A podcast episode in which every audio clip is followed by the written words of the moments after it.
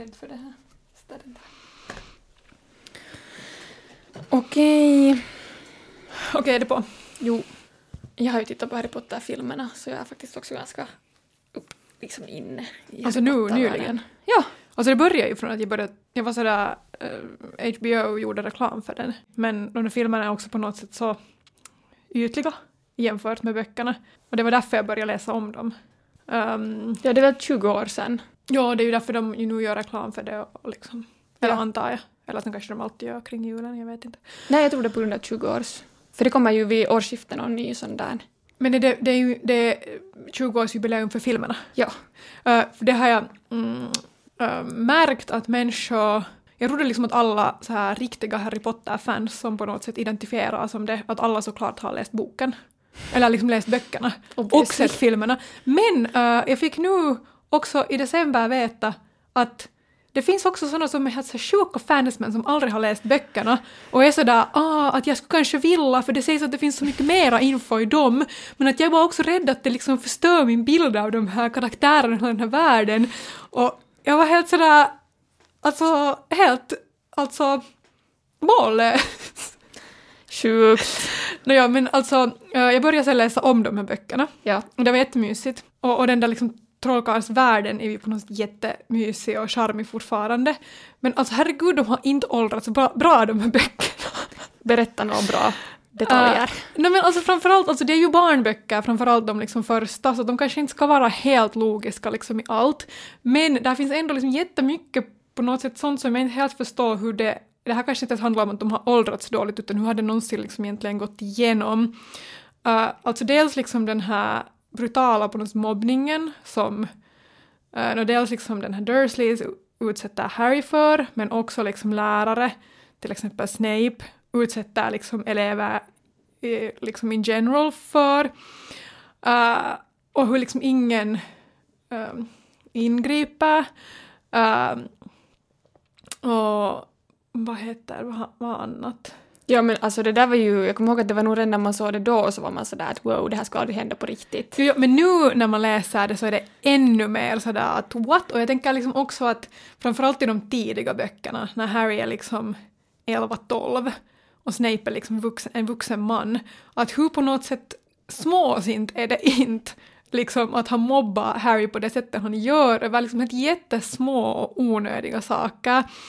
Uh, och också sådär, liksom, vem har ett sånt agg? Att jag liksom, alltså ja, men, ja, men, Men liksom det vet, och, jag vet. och liksom på något sätt att också det här Dursleys gör det liksom ofta tycker jag är jättesvårt för sig själva. För till exempel när de blir jättearga på Harry och ska straffa honom så låser de liksom in honom och hotar honom att han inte ska få åka tillbaka till Hogwarts. Men liksom hallå, om de en gång hatar honom så mycket, också sådär varför? Vad har han liksom, det känns också som en jätte liksom otrovärd storyline hur mycket de hatar honom. Det är liksom helt okej om, om Harrys mamma och hennes syster inte kommer överens men de skulle kunna uppfostra Harry till liksom vem som helst. Uh, och känns också sådär på något sätt mänskligt biologiskt för svårt att förstå hur de har kunnat hata liksom en, ett spädbarn då när Harry först har lämnats hos dem. Att, att hela den grejen är på något sätt I elva år. Exakt. Och hur har han liksom överlevt det på riktigt liksom? Och det, det, liksom, hur kan han vara en så... Hur är han liksom inte mera så psykiskt skadad? Mm. Nå, hur som helst, så det är ju också ologiskt att de vill liksom förbjuda honom att åka tillbaka till Hogwarts för att det skulle betyda att de skulle måste liksom ha honom där året om. Ja, ja, ja. Att, är det inte lättare för dem att de slipper honom? Nåja, Jag är helt mållös, det här är så bra analys. Alltså, det är också- en tid sedan jag har läst Jag Harry måste också Potter senast. påpeka att uh, alltså för någon här verkligt insatt Harry Potter-fan så uh, är det här säkert liksom helt mega sådär Basic. ja eller så här, slå upp öppna dörrar eller vad fan heter det där. Mm. Uh, no, jo men alltså dels det här det är bara sådär uh, liksom att jag köper inte storylinen. Jag köper inte heller storylinen i de helt första böckerna i liksom hur Harriet Company klarar av de här liksom slut Ja. mysteriegrejerna. Det är bara liksom sådär helt, liksom, de har bara så konstiga, uh, liksom deras slutledningsförmåga är så konstig liksom, på så många ställen varför de inte till exempel vänder sig till liksom, vuxna lärare. Det är liksom mer förståeligt i de sena böckerna för dels blir de där vuxna lärarna, det är liksom ibland svårt att veta om man kan lita på dem och de kan också sådär säga åt de där, till exempel i sjätte boken så är Harry jättemisstänksam mot vad Malfoy håller på med och då berättar han, då säger han liksom det till de där olika lärarna och de är hela tiden sådär liksom viftar bort det och då, liksom, då är det ju förståeligt att han inte att han börjar göra liksom egna efterforskningar. Men i de första böckerna så känns det som att det skulle vara liksom ganska enkelt att bara vända sig till en lärare istället. Alltså McGonagall skulle ju ha så hjälpt Harry på så många sätt. Ja, eller bara liksom om de en gång har luskat ut var hemligheternas kammare är, så varför går de inte och berättar det till liksom Dumbledore och McGonagall som ändå är där? Varför ska de liksom ensamma få iväg dit? Men Kaneri, hur tråkig roman skulle inte det ha blivit? Jag vet, jag vet, jag vet. Uh, men, men också ja. i den här första boken, de här hindren som de måste överkomma för att hitta det vise sten. Hon bara, hur hur liksom, var det här det bästa de här lärarna kunde åstadkomma? Att tre elvaåringar kommer liksom förbi det. Ja. Nåja. Ja. och, det, och, det, och de lyckas med det sju gånger i rad. Liksom. Exakt. Därför, därför gillar jag Fenixorden ganska mycket, för där är den där aspekten att Harry vill att de ska fara dit till ministeriet ja. på basis av det där uh, grejen som den där liksom mentala bilden som Voldemort har planterat i hans huvud medvetet och uh, han tror liksom att, uh, att Sirius, visst är det Sirius? Eller ja, Ron, ja. ja, att Sirius är där i, i den där det där rummet med de där ja. glaskulorna. Och, och, och sen åker de dit och det är liksom en mocka. Och därför tycker jag om femman så mycket, för det är liksom, det är kunnon tabbe att, ja. att de liksom mockar. Ja, uh, men jag måste säga att de här blir liksom bättre från liksom fjärde boken framåt så blir det på något sätt sådär att de blir mer trovärdiga de där slutscenerna och det är liksom också mer logiskt varför de typ överlever. Uh, no, hur som helst, men utöver allt det här så är den ju liksom, har den ju inte heller åldrats väl när det kommer till så här liksom no, bara världssyn. Till exempel är den, alltså det här är jag ju inte den enda som nu har hittat på, men alltså den så här fettfobi är ju helt otrolig. Och där är liksom, alltså alla karaktärer som är liksom överviktiga på något sätt, så dels missar liksom äh, berättaren inte en chans att påpeka det här, men också liksom att tjock är lika med alltså trögtänkt. Och verkligen så här överdrivet trögtänkt. Uh, och det är också bara sådär... Hmm, det finns liksom ingen karaktär som skulle vara ett, ett liksom undantag i det här. Uh. Uh, och samtidigt så är det ju sådär ganska otrolig mathets i hela den där serien och det liksom beskrivs i detalj hur mycket liksom godis de äter och det är liksom alltid på något sätt det bästa typ man kan vinna framförallt i de tidiga böckerna så att de får helt jättemycket godis. Uh, och det är liksom vad de äter, hur mycket de äter beskrivs, alltså säkert i, på riktigt varje kapitel så beskrivs någonting som de på något sätt äter, just sådär alltid stora lass. Och det är liksom en jätte... alltså jag var icke. uh, och sen en annan sak som jag måste till och med googla det här, men alltså det finns, alltså den är så heteronormativ, det finns liksom utöver alltså Dumbledore som J.K. Rowling själv har sagt att det är gay, uh, vilket för övrigt nog alltså inte framkommer någonstans i boken om man inte liksom letar med sådär mikroskopiskt förstoringsglas. Men annars så finns det alltså ingen karaktär som är liksom gay, trans, queer, liksom något. Jag måste säga att jag är lite, vi har liksom tidigare tyckt om den där serien just för att den känns på något sätt ganska helgjuten. Att mycket liksom, det droppas mycket saker än i de tidigare tidiga böckerna som man då inte lägger märke till men som man sen om man läser om är sådär hej wow liksom typ Sirius nämns redan i första kapitlet typ eller liksom och här var den här grejen och aj vitsi det här kommer sen i sjunde boken att bli liksom viktigt. Uh, men ja, nu är jag sådär att den här uh, jag vet inte.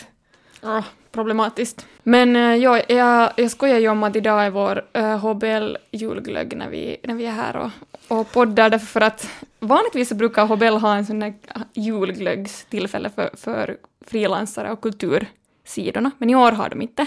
Och det kan ju vara alltså på grund av corona. Det, det är ju en helt bra liksom, linje på grund av omikron och allting. Men de senaste veckorna har HBL dessutom haft så här lite, lite så här oroväckande äh, artiklar om nedskärningar i kritiken. Äh, och, och då känns det ju som att det finns en parallell där mellan den här uteblivna HBL julglöggen och äh, nedskärningar i kritiken. Okej, okay, det där är nu ett skämt. Men, men du förstår vad jag menar. Ja, utveckla. ja. Äh, kritiken ska alltså skäras ner med 15 till 25 procent. Uh, och om man säger liksom, man rapporterar om hur uh, kultursidorna ska förändras genom att då berätta att det kommer skäras i kritiken och det handlar framförallt om icke-finlandssvensk liksom, kritik. Uh, kultur. Kultur, ja. Uh, men, men man berättar inte någonting om vad det kommer att komma istället.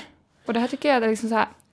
Ja, det är väldigt det är väldigt um, vagt. Det ja. liksom ska vara annat kulturinnehåll. Jag tänker att risken kan finnas, eller risken är att det blir Alltså det kan ju vara liksom uh, djupgående och intressanta artiklar men att jag känner att liksom risken att det blir uh, mera sådär uh, på något sätt underhållningsnyheter uh, eller sen så här liksom puffartiklar och det som jag tycker är intressant är också att när jag funderar på kritiken på HBL, uh, och då läser jag kanske mest litteraturkritiken där, Eh, så det som jag tycker att brukar vara som fräscha inlägg på kultursidorna är just kritiken av annat än finlandssvensk litteratur, att det är det som sticker ut på sätt och vis. Och då funderar jag att varför vill man liksom ha uh, kritik av någonting annat än finlandssvensk litteratur?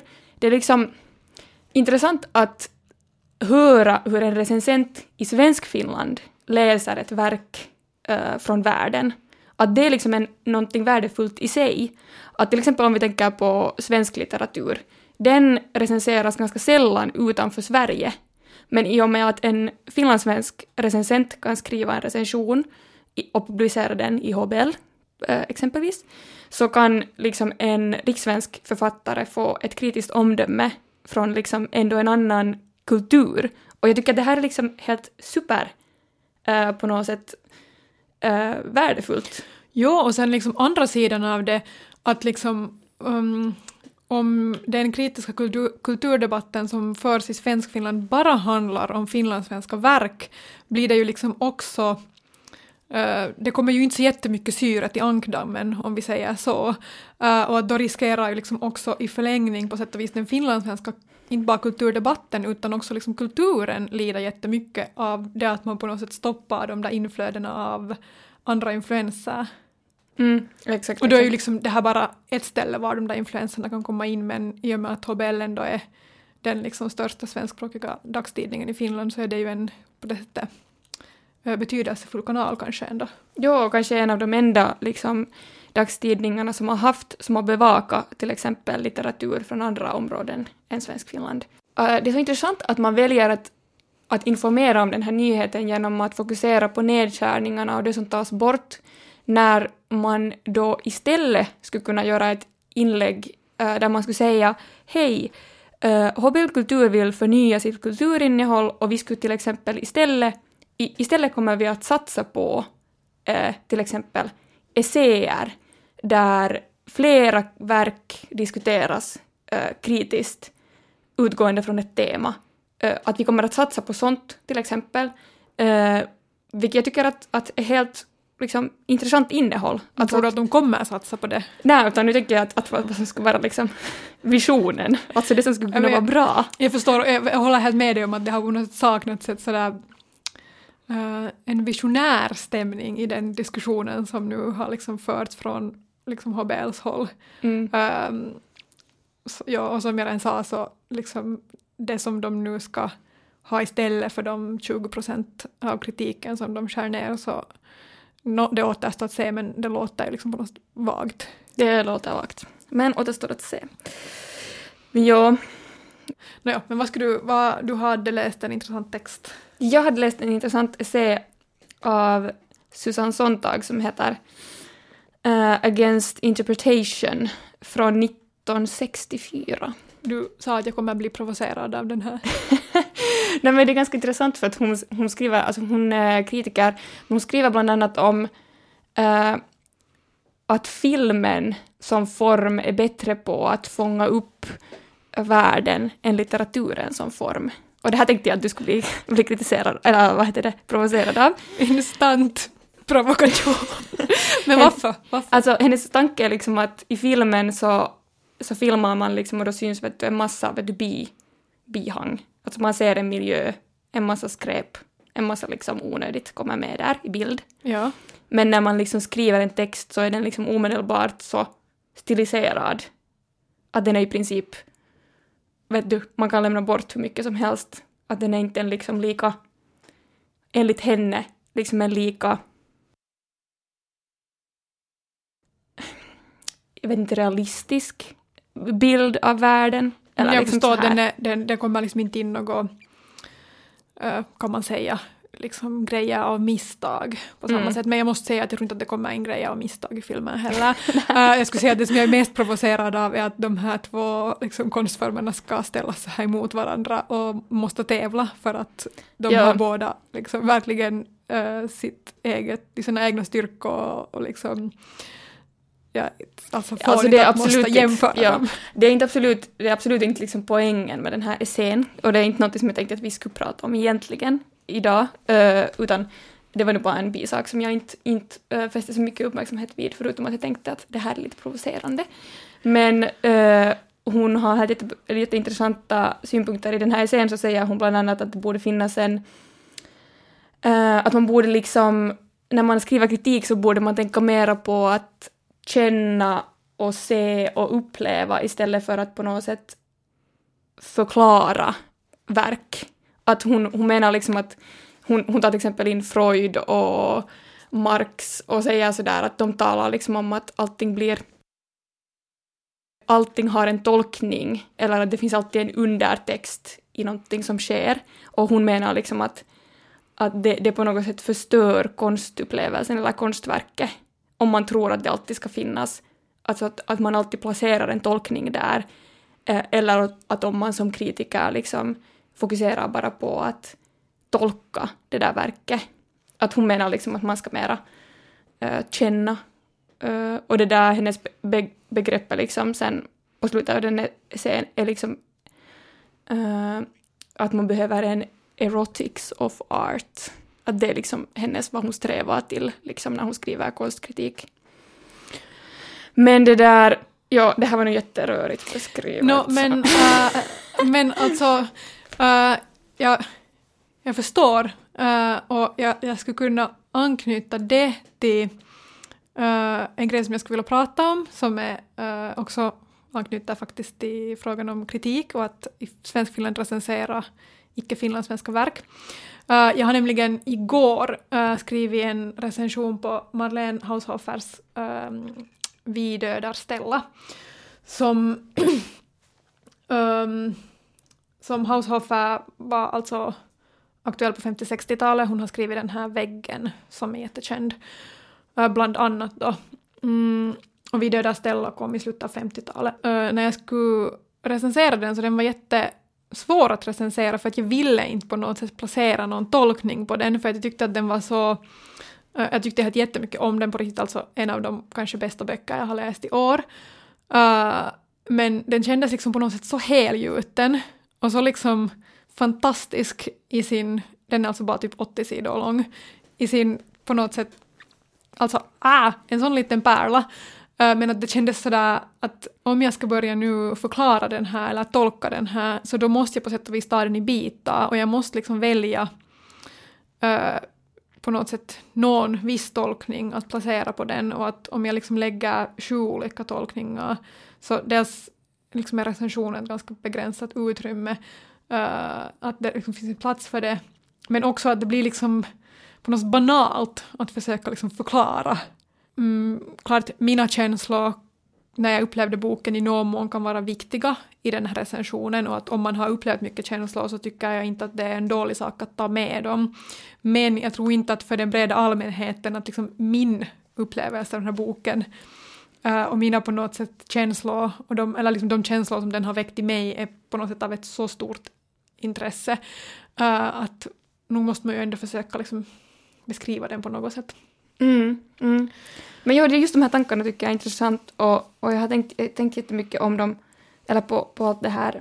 Mm. En av mina stora konstupplevelser den här hösten var den här filmen Shirley av Josephine Deckers. Och den handlar ju om Shirley Jackson då, med, men att en jätte sådär påhittad version, eller påhittad story om henne, eh, med vissa, liksom, vissa realistiska grejer eller vissa faktiska händelser. Men, men där tyckte jag att det var intressant, särskilt en sån här relation mellan, mellan Shirley Jackson, författaren, där i filmen, och sen den där hennes liksom livskumpan, eh, äh, den här Stanley, som är litteraturkritiker och professor. Och jag tyckte liksom deras relation var på något sätt helt jätte liksom äh, lockande eller liksom på något sätt passionerad och jättestark och, och jag, liksom, jag uppskattar jättemycket det där porträttet av deras relation. Och där så, där så var ett särskilt äh, fint ställe på slutet av den där filmen, eller ganska mot slutet av filmen när den här Stanley hade märkt att, att Shirley har skrivit ett manus och som hon inte har låtit Stanley läsa. Och Stanley är liksom alltid hennes första läsare. Och han blir liksom jättesårad för att han inte har fått läsa den här, det här manuset. Och, och sen, sen säger Shirley någonting, nej någonting att Stanley säger någonting att, att hur kan du skriva om en sån där, för hon har skrivit om en faktisk händelse när en universitetsstuderande äh, liksom har försvunnit. Och, och Shirley Jackson hade skrivit den här romanen om, om den här kvinnan. Och, och då säger den här Stanley att, att hur kan du skriva en roman om det? Att du kände inte ens henne, den här kvinnan.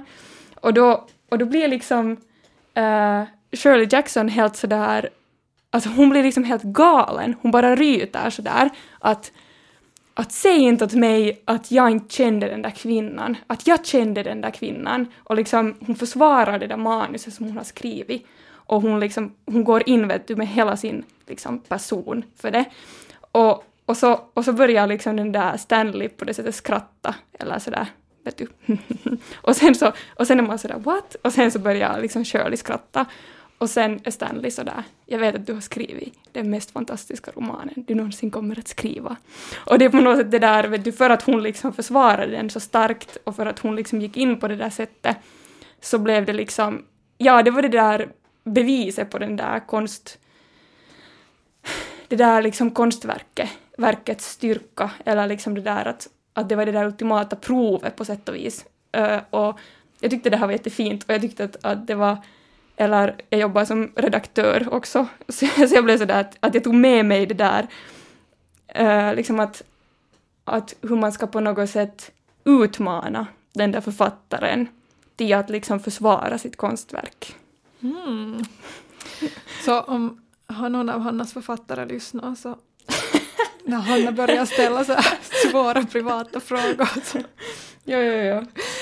No, ja, Nej, men, men ännu om den där Shirley-filmen, att där i början av, av filmen så läser hon en uh, Rose, som är en sån där pers ung person som är på väg hem till, hem till Shirley och, och ska jobba där som hushållerska.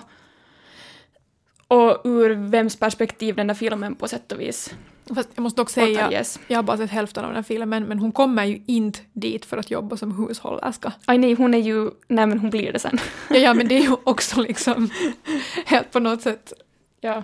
Alltså, ja. hon kommer ju dit för att hon är dels gift med en lärare, som ska, mm. en ung lärare som precis har fått anställning, också hon själv studerande. Ah, jo, ja, ja. Uh, och hon blir bara sådär Indragen. Uh, typiskt uh, ung kvinna som står till tjänst. Istället för att till exempel fokusera på sina egna studier så kan uh, diska och tvätta Shirley Jacksons ja. smutstvätt. Ja, det är helt sant. Det är helt sant.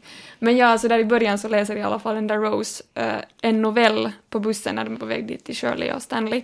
Och uh, det är The Lottery som då är den här novellen som blev publicerades i The New Yorker år 1948 och den väckte jättestor skandal. Att det var jättemånga som typ sa upp sin prenumeration på den här tidningen på grund av liksom den här novellen. Alltså jag blev så fascinerad när jag läste uh, det här för att liksom på något sätt så jag tänker så fint att tänka att litteratur har haft en så på något sätt stark inverkan på människor, att människor har tagit det på ett sånt liksom allvar att de avbeställer The New York Times. För att de blir så kärrade av en novell som de publicerar. Ja, ja. Alltså men verkligen, jag tyckte, jag tyckte den är ju jättemakaber, den här novellen, men liksom den finns tillgängligt online så man kan bara googla det så kan man läsa den. Läsa den. Men det där, ja. Den var, alltså den var nog helt jättefin. Jag, jag berättade till dig Hanna redan tidigare att jag måste alltså lyssna på den. Den finns alltså också som inläst, uh, ganska behaglig uppläsning. Uh, men jag måste lyssna på den alltså två gånger för att liksom efter första gången så uh, var jag på något sätt sådär att nej, inte va, jag måste ha missat någonting. och så måste jag lyssna på den på nytt och sen liksom visste jag ju redan innan den kom till sitt slut att fan, jag missade ingenting. Det här var ju helt wow, så brutalt. Mm. Vi ska mm. kanske inte spoila.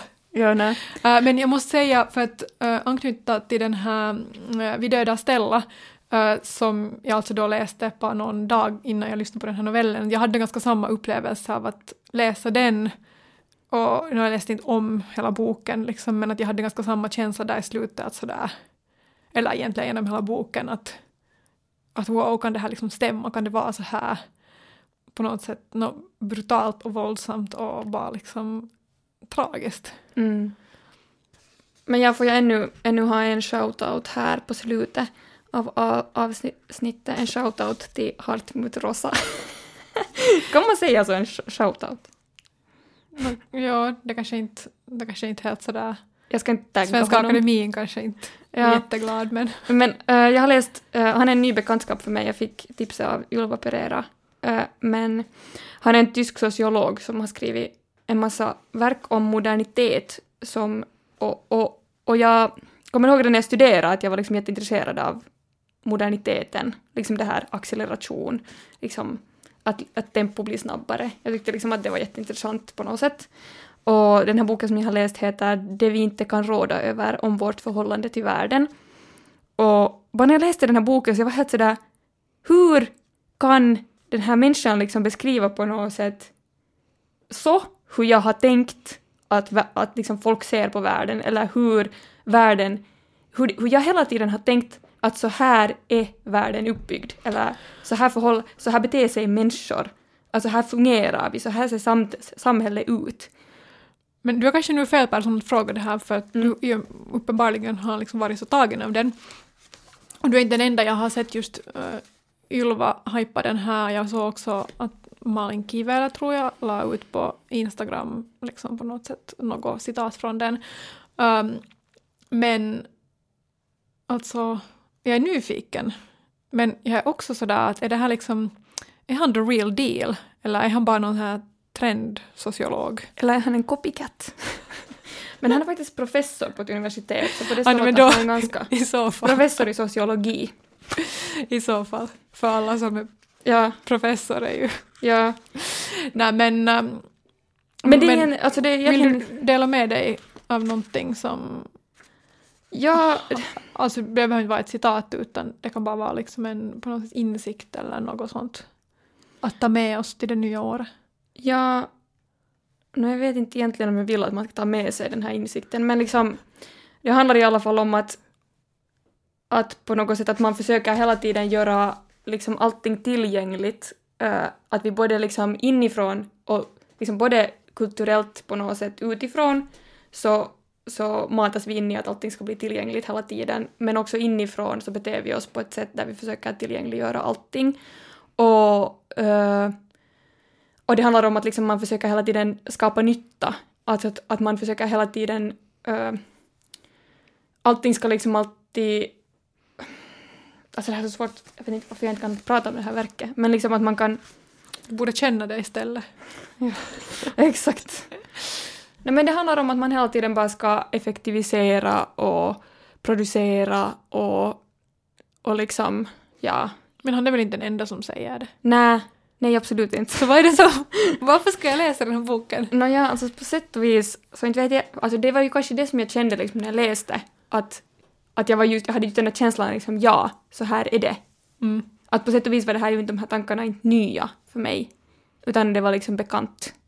Uh, så, så jag vet inte om man ska läsa den. Men, men alltså jag tyckte om att läsa den och, och jag tyckte att den liksom på något sätt beskriver världen på ett intressant sätt. Och det här var liksom, jag måste säga att jag, jag, jag sålde inte den här boken alls bra, men det kanske är helt okej att jag inte sålde den så bra.